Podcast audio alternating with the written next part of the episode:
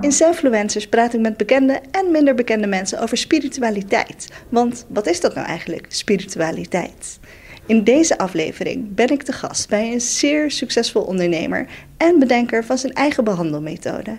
Hij is oprecht een zenfluencer, want zijn missie is om mensen gezonder en gelukkiger te maken. Maar hoe doet hij dat dan? En hoe zen is hij zelf? In deze aflevering ben ik te gast bij Duco Kanij.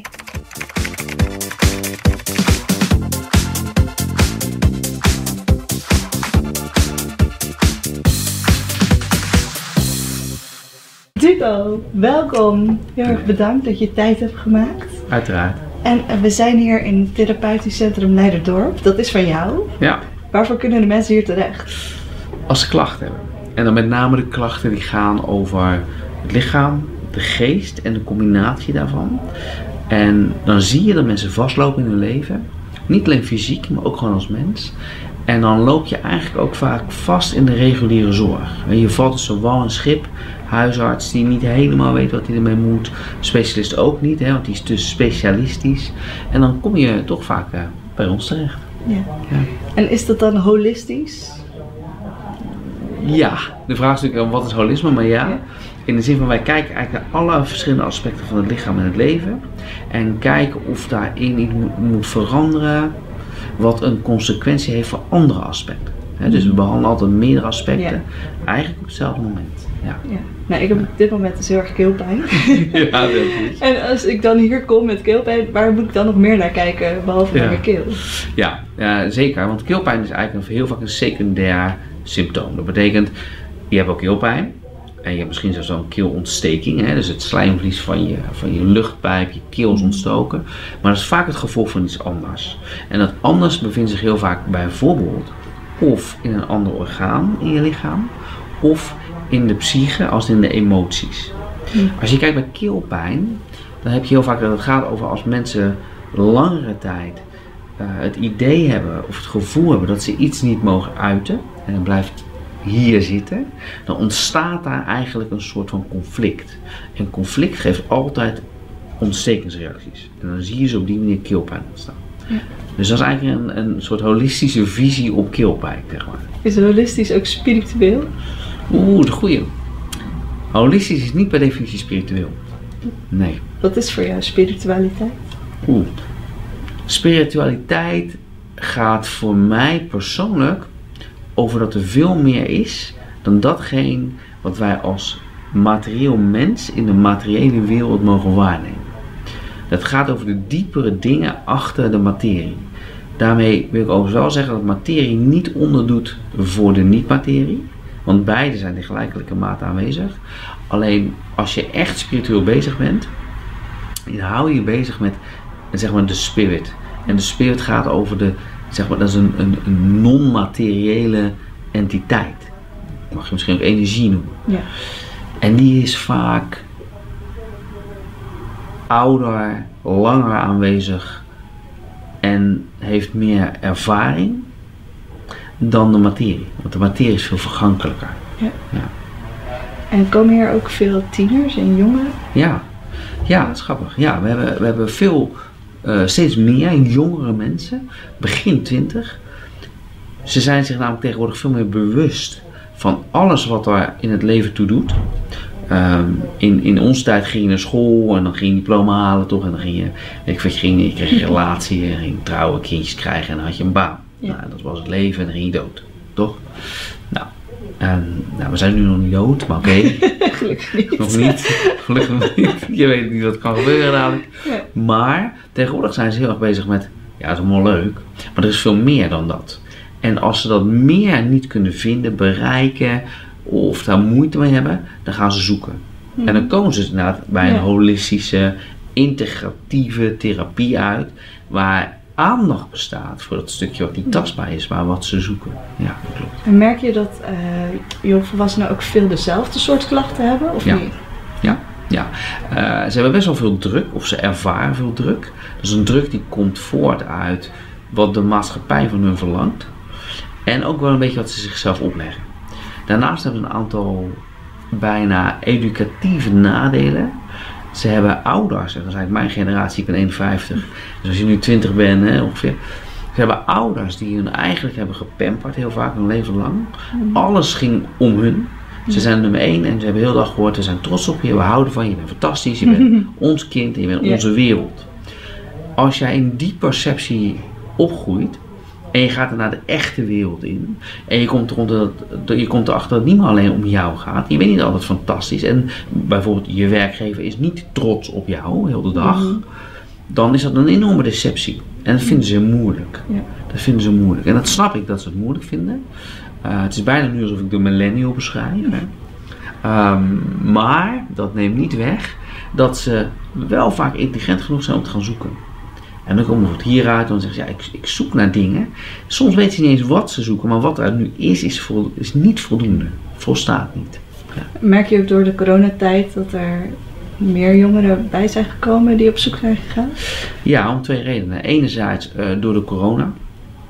En wat corona met zich meebrengt in beleving. Er is een soort fundamentele angst aangesproken. Een overlevingsangst. Eh, vroeger was dat zo, je leefde gewoon in Nederland. Hè, dan. Je leeft en morgen ben je er ook nog. En je gaat dood als je oud wordt en ziek, eh, ziek wordt en oud wordt. En dat soort dingetjes en dan ga je dood. Opeens was corona en was doodgaan op je, noem maar wat, 24 een reële optie. Want je kon corona krijgen en dan kon je doodgaan. Dat vonden ze eng. Snap ik. Eh, voor het bestaan was niet opeens een soort 100% zekerheidje tot je 95ste. Dat merkte je echt aan de jeugd. En ze hebben ook het best wel zwaar gehad. Ze werden een soort van geïsoleerd.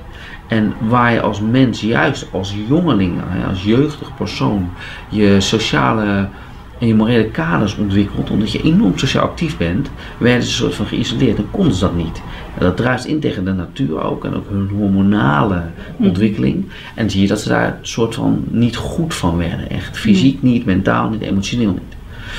Een ander stukje is natuurlijk ook corona zelf als ziekte en eh, de gevolgen daarvan. En je hebt mensen die hebben long-covid gehad, die zijn nu al twee jaar lang eigenlijk nou, nog geen schim van wat ze waren.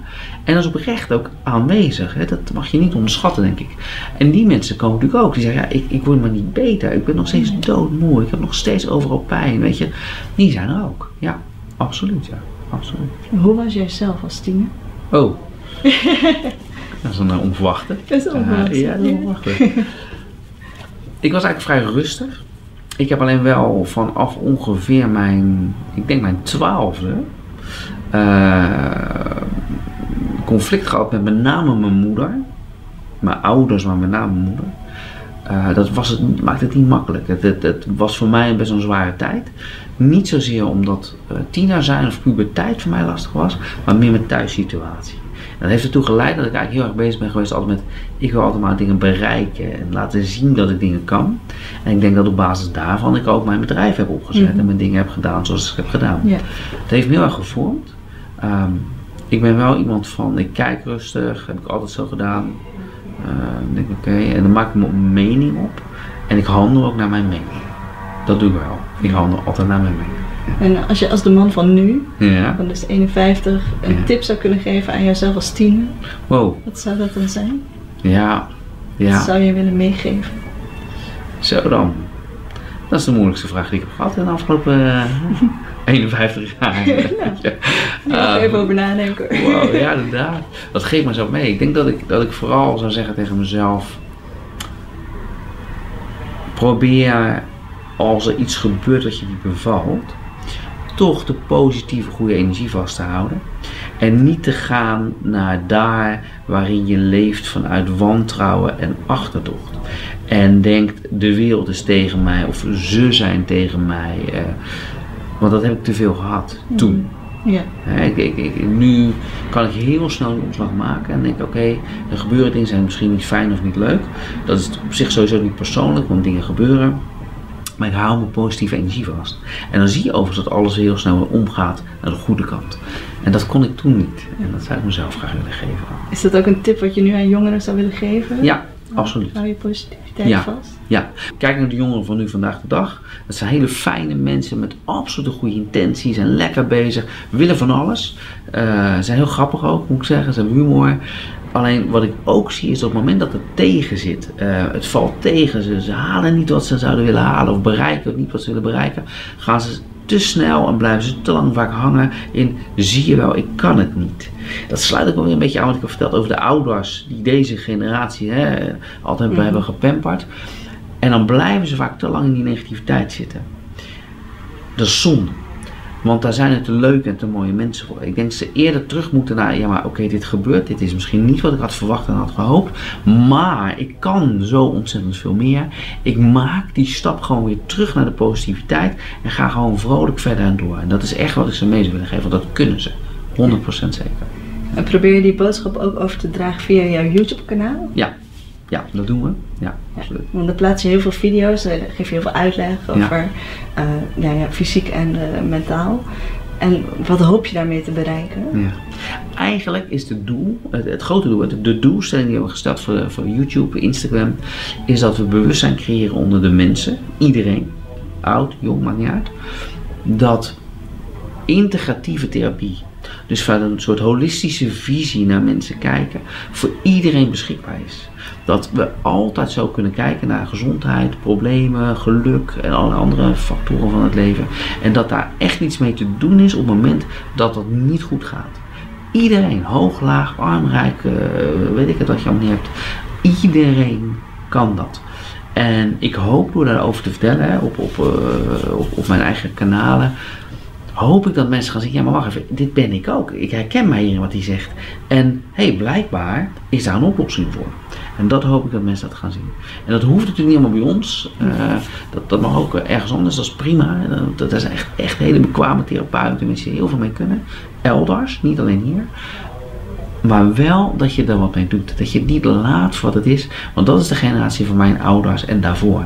Die lieten het. En dat hoeft echt niet meer. Als er, is er één makkelijke tip die je de kijkers mee kunt geven wat zij thuis kunnen doen om gezonder en gelukkiger te Ja. worden? Absoluut. Ik denk oprecht, echt oprecht, dat het begint bij voeding. Ik denk echt dat je naar een manier van eten moet gaan die maakt dat je de basisvoorwaarden om gezond te kunnen zijn en gelukkig te kunnen zijn hebt ingevuld door de juiste voeding en suppletie te nemen. De juiste voeding is een voeding die ontdaan is van allerlei onzin, eh, als E-stoffen, vervuiling, ehm, het zeggen bijna vul. Je hebt heel veel vulvoedsel. Aardappelrijst, pasta is vulvoedsel. Dat is eigenlijk gewoon, we vullen je buikie en dan ben je blij en gelukkig. En dan voelt het even goed. Maar dat is natuurlijk helemaal niet wat goed voor jou is. Dat zit vol suikers, hè? dat zijn koolhydraten. Aardappelrijst, koolhydraten, gluten. Dat, dat is gewoon slecht voor je eigenlijk. Daar moet je vanaf. Ik denk dat je veel meer naar het zuiveren moet. Los van, het is toch bio, noem maar op. Maar vlees, vis, ei met groenten, salade is, is helemaal prima. Schijf van vijf is een één grote grap natuurlijk. Ehm, dat, dat volstaat niet. De juiste voeding nemen die bij je past, die ontdaan is van gekkigheid. Ik denk absoluut dat daar de sleutel ligt. En op het moment dat je dat doet, is alles mogelijk. Werkelijk alles mogelijk. Dus je moet eigenlijk allemaal groentes gaan kweken in onze tuin. Absoluut. Dat is het Absoluut. meest gezond. Onbespoten. Ja, Ja. helemaal. Helemaal. Een laatste vraag. Tuurlijk. Hoe zen ben jij op een schaal van 1 tot 10? 9. 9? Ja. Wauw. En dat, ik was 7. Toen heb ik ayahuasca gedaan.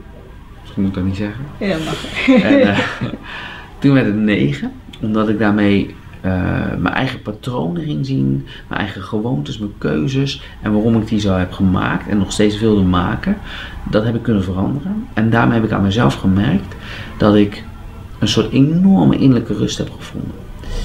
Ehm, stress is voor mij niet een bestaand fenomeen als zodanig meer. Ik ben eigenlijk heel rustig. Ik vertrouw volledig op de positiviteit en de goedheid van het leven. En dat heeft het tot nu toe iedere keer ook weer aangetoond.